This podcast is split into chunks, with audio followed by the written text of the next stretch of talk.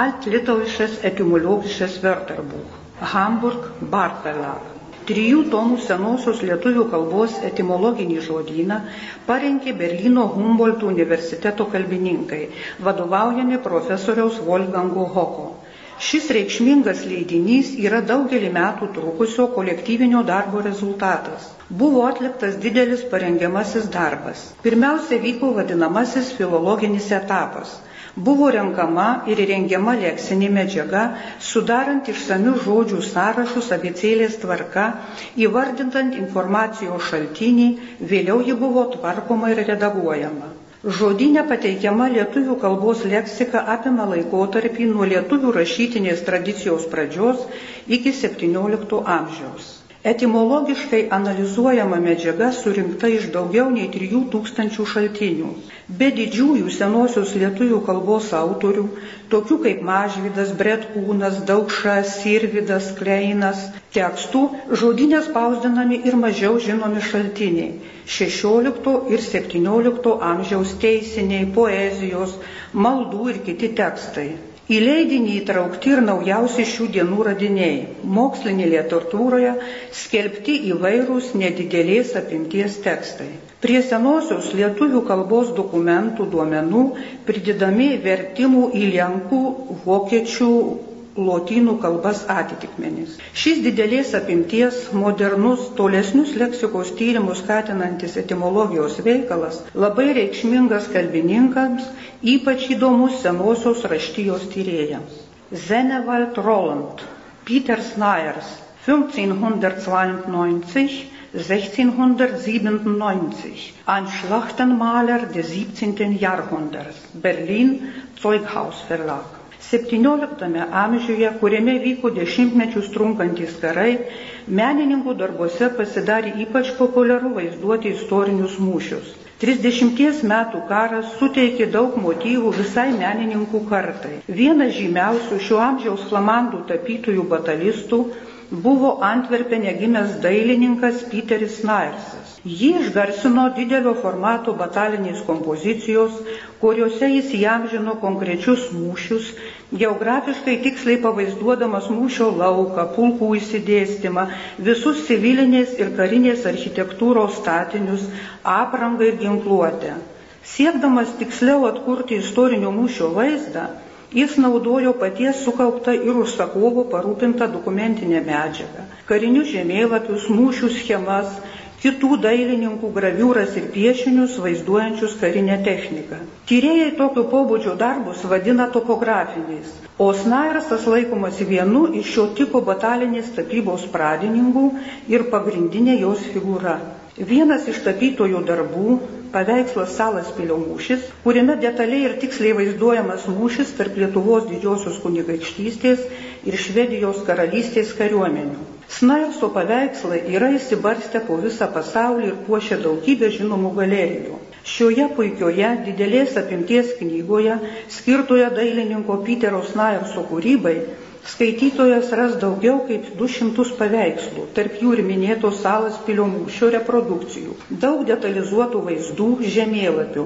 Knyga vertinga ne tik besidomintiems menu, bet ir istorija. Kommunikation durch symbolische Akte. Religiöse Heterogenität und politische Herrschaft in Polen-Litauen. Stuttgart Franz Steiner Verlag. Taip jau istoriškai susiklosti, kad abiejų tautų respublika įsiskyrė savo tikėjimų įvairove. Katalikai, protestantai, stačiatikiai sugyveno su žydais, būta totorių ir karaimų. Nepaisant etninės ir konfesinės įvairovės, valstybėje nekilo religinių karų, nebūta ir didelio masto religinių konfliktų, ypač būdingų tuo metu Europai. Abiejų tautų respublikoje nepavyko įkurti inkvizicijos teismų, čia vyravo teisingo sambuvio tradicijos. Nors katalikybė oficialiai buvo laikama vyraujančia, Kitų konfesijų bei religinių bendruomenių atstovai taikiai sugyveno ne tik miestuose bei miesteliuose, bet ir didikų dvaruose. Jų įtaka buvo akivaizdi valstybinėje, regioninėje ir vietinėje politinėje praktikoje. Politiniai ir ekonominiai valdančiųjų interesai dažnai buvo gerokai svarbesni už religinius skirtumus. Vokiečių ir anglų kalbomis išleistame mokslinių straipsnių rinkinyje pateikiami šio reiškinio tyrimo rezultatai. Didžiausias dėmesys sutelkiamas į simbolinius veiksmus ir ritualus, kuriems padedant atskiros grupės viešai skelbdavo savo pretenzijas į valdžią, įrodinėdavo savo religinės tiesas. Darbuose pabrėžiama žodinių karų, rengiamų disputų svarba, jie skatino diskusijas ne tik religinėmis, bet ir socialinėmis bei politinėmis temomis. Baltische Geschichte Esten, Letten und Litauer unter fremden Mächten von der Frühzeit bis zur Beginn der nationalen Befreiungsbewegung. Halle, Mitteldeutscher Verlag. Pastaruoju metu estų, latvių ir lietuvių vaidmuo socialinėme ir politinėme Baltijos jūros regionų gyvenime tampa vis aktualesnis, nes baltų tautos ir valstybės su savo teritorijomis, žmonėmis ir likimais paženklintos ilgamžiaus svetimtaučių viešpatavimo, visada buvo pagrindinis rytų ir vakarų civilizacijas jungiantis tiltas. Autoriai pripažinti rytų Europos istorijos žinovai supažindina su Baltijos regionų istorinė raida, pateikia savo įžvalgas ir taip leidžia geriau suprasti dabartį. Pirmoje leidinio dalyje jie apžvelgia esminius dabartinių Baltijos valstybių pirmtakų raidos etapus iki tautinio išsivadavimo judėjimo pradžios XIX-XX amžiuje. O antroje pristato tyrimus įvairiomis Baltijos šalių istorijos temomis tokiomis kaip švietimo sistemos klausimai, mokyklų ir universitetų veikla, jų reformos bei modernizavimas, masonų ložės, pietizmo išplitimas Baltijos šalyse ir kita.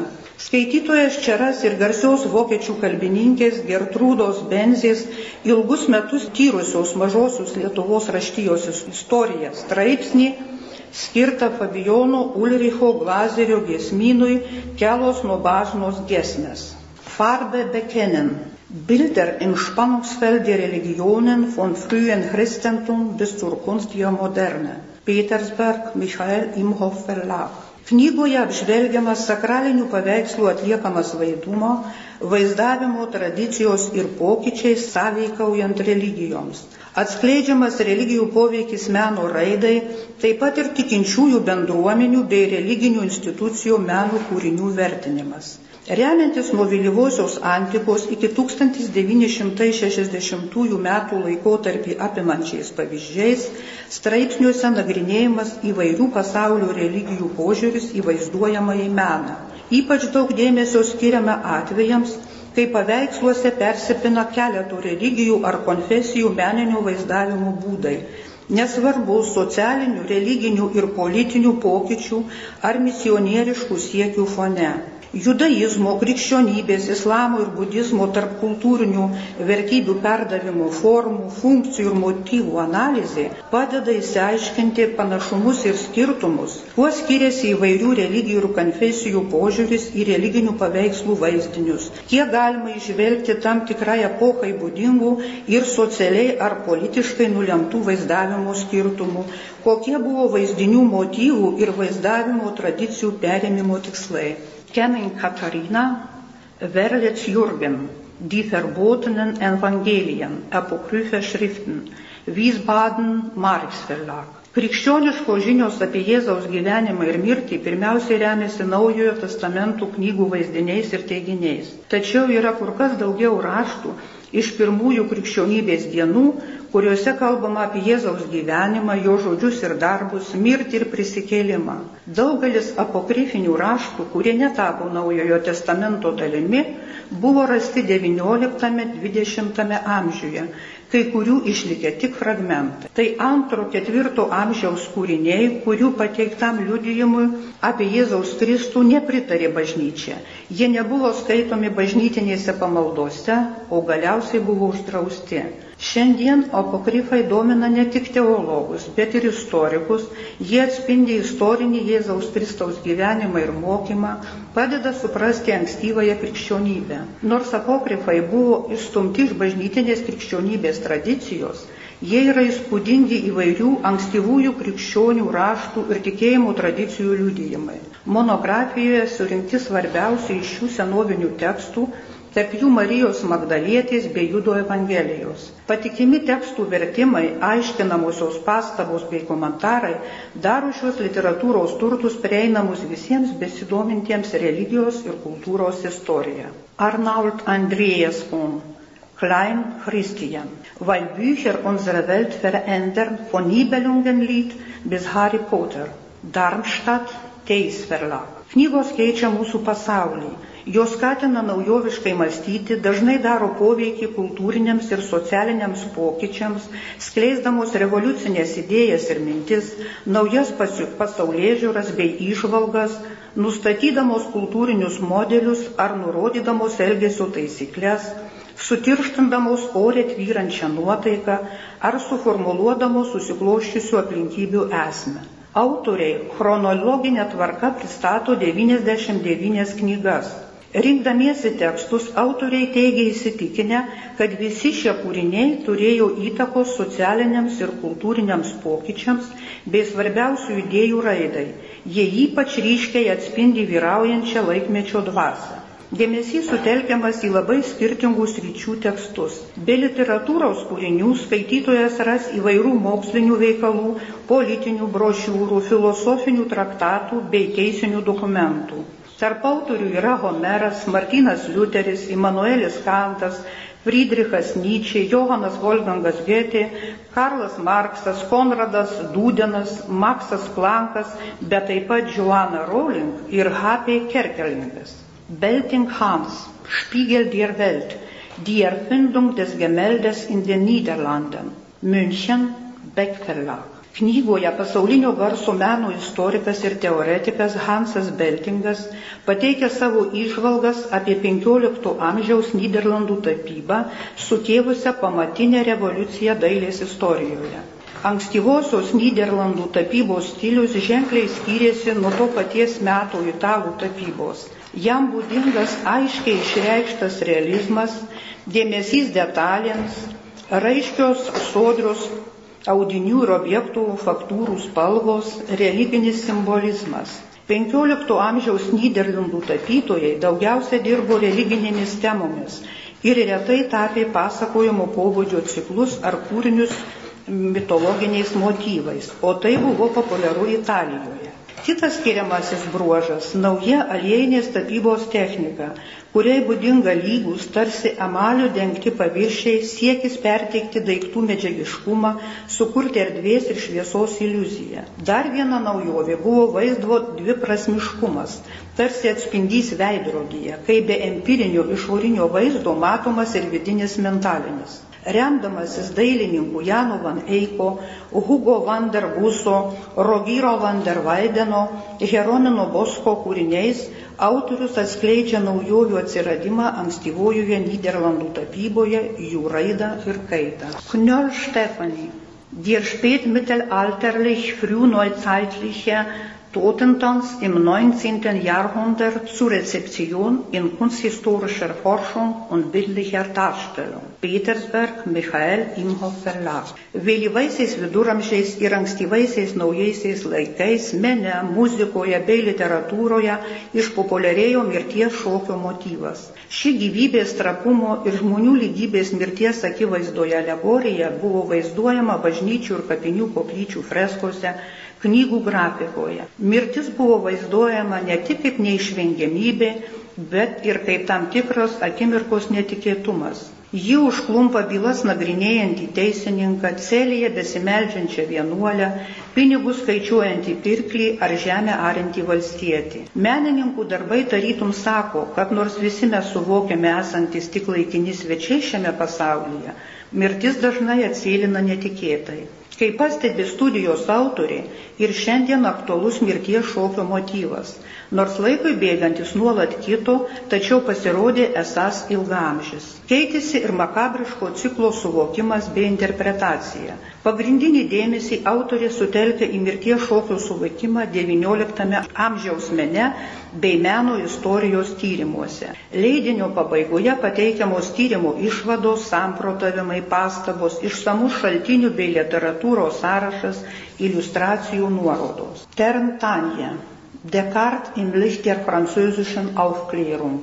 Studien zum Descartes-Bild Frankreichs im 18. Jahrhundert. Heidelberg, Manutius Verlag.